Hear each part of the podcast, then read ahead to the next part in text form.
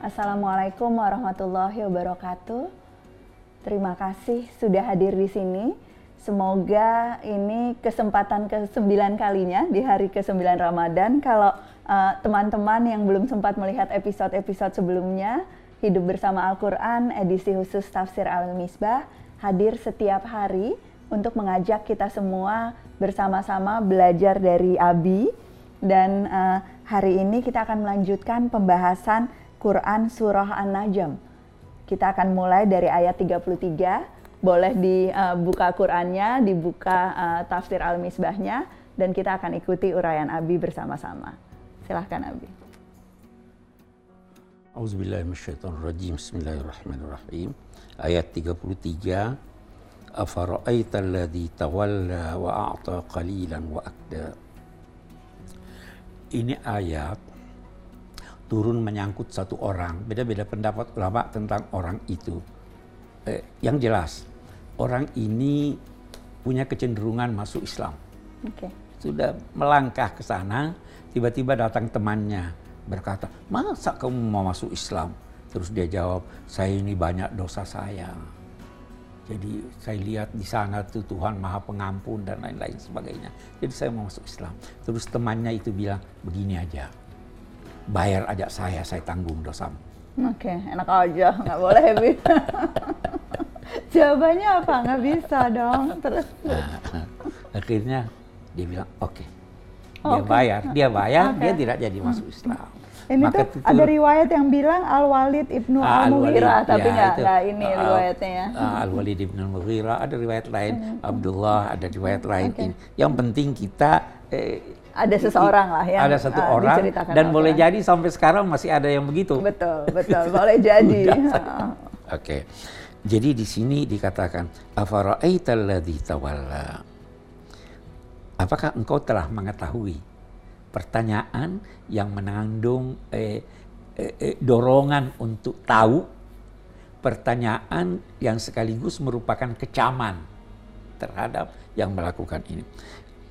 Eh, orang yang berpaling, orang yang membatalkan niatnya untuk masuk Islam. Karena itu tadi alasannya. Maka wa'ata qalilan wa. Dia waktu janji mau memberi itu, dia sudah memberi sedikit, hmm. tapi rupanya dia kikir. Lalu sisanya dia tidak bayar. Okay. Akda itu terambil dari kata kidya. Kidya itu batu yang uh, orang seorang menggali lubang, tiba-tiba ada batu karang di hadapannya, dia mau gali, tidak bisa, tidak bisa, bisa uh. maka dia berhenti, berhenti. menggali. Nah, ini orang sudah beri, masih mesti dia bayar lagi, dia hentikan pembayarannya karena kikir dan sebagainya. Okay. Tahukah kamu? Jadi ini kecaman kamu. A'indahu ilmul ghaibi fahuwa yara apakah dia memiliki pengetahuan tentang gaib sehingga dia menduga, dia mengetahui, dia merasa bahwa dosanya bisa ditanggung orang lain. Nah, apakah belum disampaikan kepadanya apa yang termaktub dalam lembaran-lembaran Musa dan lembaran-lembaran Nabi Ibrahim yang telah menyempurnakan janji-janjinya kepada Allah kita lihat satu persatu. Yunabba. Berita itu ada berita penting, ada berita tidak Nggak penting. penting. Ya toh? Kalau dia berkata naba, maka itu berita penting. Nah, eh, kami mau beri contoh, inja aku fasikum binaba'in fatabayyanu. Kalau ada seorang fasik membawa berita penting, cek, indri cek kalau tidak penting perlu dicek enggak? Nggak perlu. Ya habis waktu. Hmm. Nah. Udah fasik, udah gitu nggak penting lagi. Uh, nggak perlu dilayanin yang kayak nah, gitu. Ya kayak kan? gitu. Jadi di sini dikatakan Yuna, apakah dia belum diberitahu tentang berita penting yang terdapat dalam lembaran-lembaran Nabi Musa? dan dan itu memang di, sengaja disebut Nabi Musa dan Nabi Ibrahim karena Ka, mereka dihormati gitu. Ya? Mereka dihormati. Kenapa Nabi Musa? Karena dalam masyarakat jahiliyah banyak orang Yahudi. Iya betul. Ya toh. Yang percaya bahwa kalau dari Nabi Musa pasti berita penting. Penting. Nah, terus Nabi Ibrahim orang-orang Arab itu sangat menghormatinya karena mereka menganggap bahwa Ibrahim itu adalah leluhurnya. Oke. Eh, dua hal yang kita ingin garis bawahi. Suhuf Musa. Suhuf Musa itu lembaran-lembaran yang diberikan kepada Nabi Musa. Lembaran-lembaran itu kata ulama berbeda dengan Taurat. Oh, Jadi oke. ada Taurat, ada lagi lembaran-lembaran. Sementara ulama berkata lembaran-lembaran inilah yang yang eh, eh, memuat the Ten Commandments. Oke. Ada yang berpendapat demikian. Ibrahim alladhi waffa. Ibrahim juga punya lembaran-lembaran. Nabi Ibrahim pun itu mendapatkan uh, suhuf lembaran lembaran-lembaran. ini. lemba- ah, Hanya saja lembaran-lembaran Nabi Ibrahim itu oleh ulama tidak mengandung hukum. Oke. Tetapi dia hanya mengandung hikmah, dia mengandung kalimat-kalimat yang eh, indah, yang berkesan dan sebagainya. Nah, Isinya apa Bi? Ini di ayatnya diterangkan apa apa apa yang disampaikan berita apa oleh suhuf Ah, Musa salah dan satu Ibrahim? di antaranya isinya yang ada di tempat Musa dan Ibrahim Allah taziru waziratun wizra ukhra. Seorang yang berdosa tidak memikul dosa orang lain. Semua datang sendiri-sendiri. Semua mempertanggungjawabkan. Hanya kita mau katakan begini supaya jangan salah paham. Eh, boleh jadi ada satu orang melakukan kesalahan. Anda lihat dan Anda restui. Anda ikut berdosa Nah, karena restu Anda. Ya kan? jadi, secara tidak langsung sebetulnya uh, ada peran kita dalam ada peran kesalahan dalam yang ini. dilakukan. Iya, itu eh, Nabi Soleh dianugerahi mukjizat eh, unta. Hanya satu orang yang menyembelih, tapi karena semua setuju, semua kena sanksi. Eh, Wa Ibrahim alladzi waffa alla taziru waziratun wizra ukhra wa alaysa lil insani illa ma sa'a.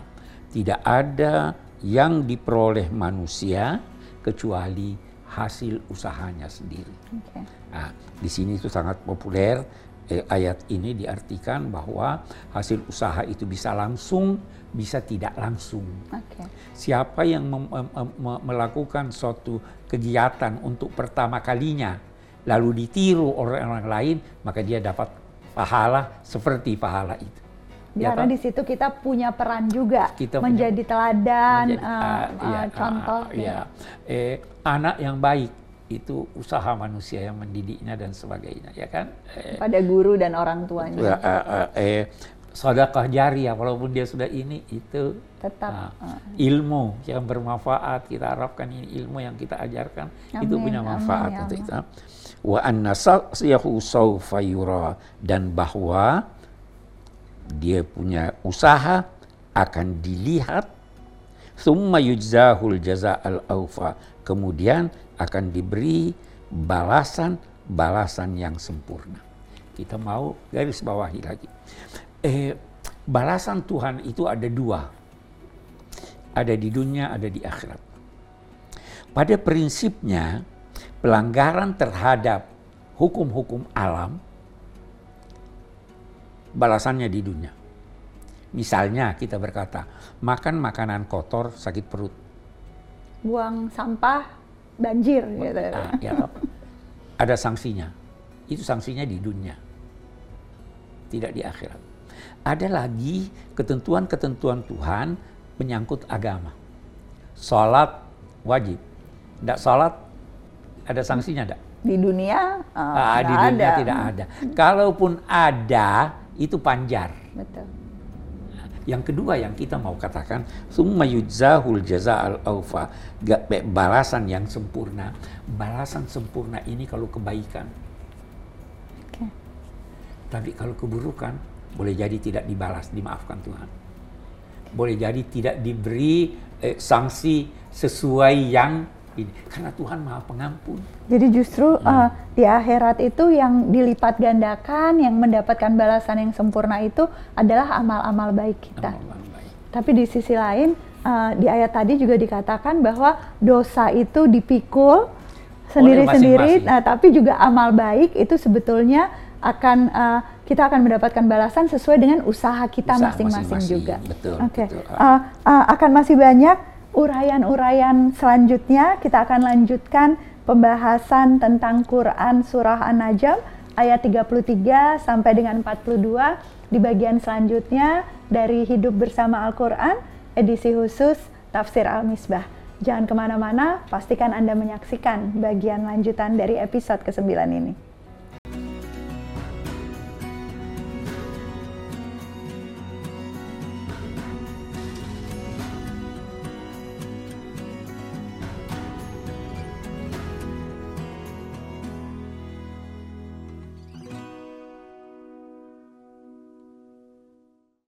Pendidikan Kader Mufasir adalah salah satu program dari Pusat Studi Al-Quran. Program intensif khusus bagi peserta yang sudah mendalami ilmu tafsir di perguruan tinggi dan berhasil lolos seleksi dari seluruh Indonesia. Selama enam bulan sampai satu tahun, para kader ini mendapat pengayaan serta mentoring ilmu-ilmu Al-Quran lainnya dari Dewan Pakar PSQ. Program ini bertujuan melahirkan mufasir yang mumpuni serta mampu menghasilkan karya untuk kemaslahatan umat.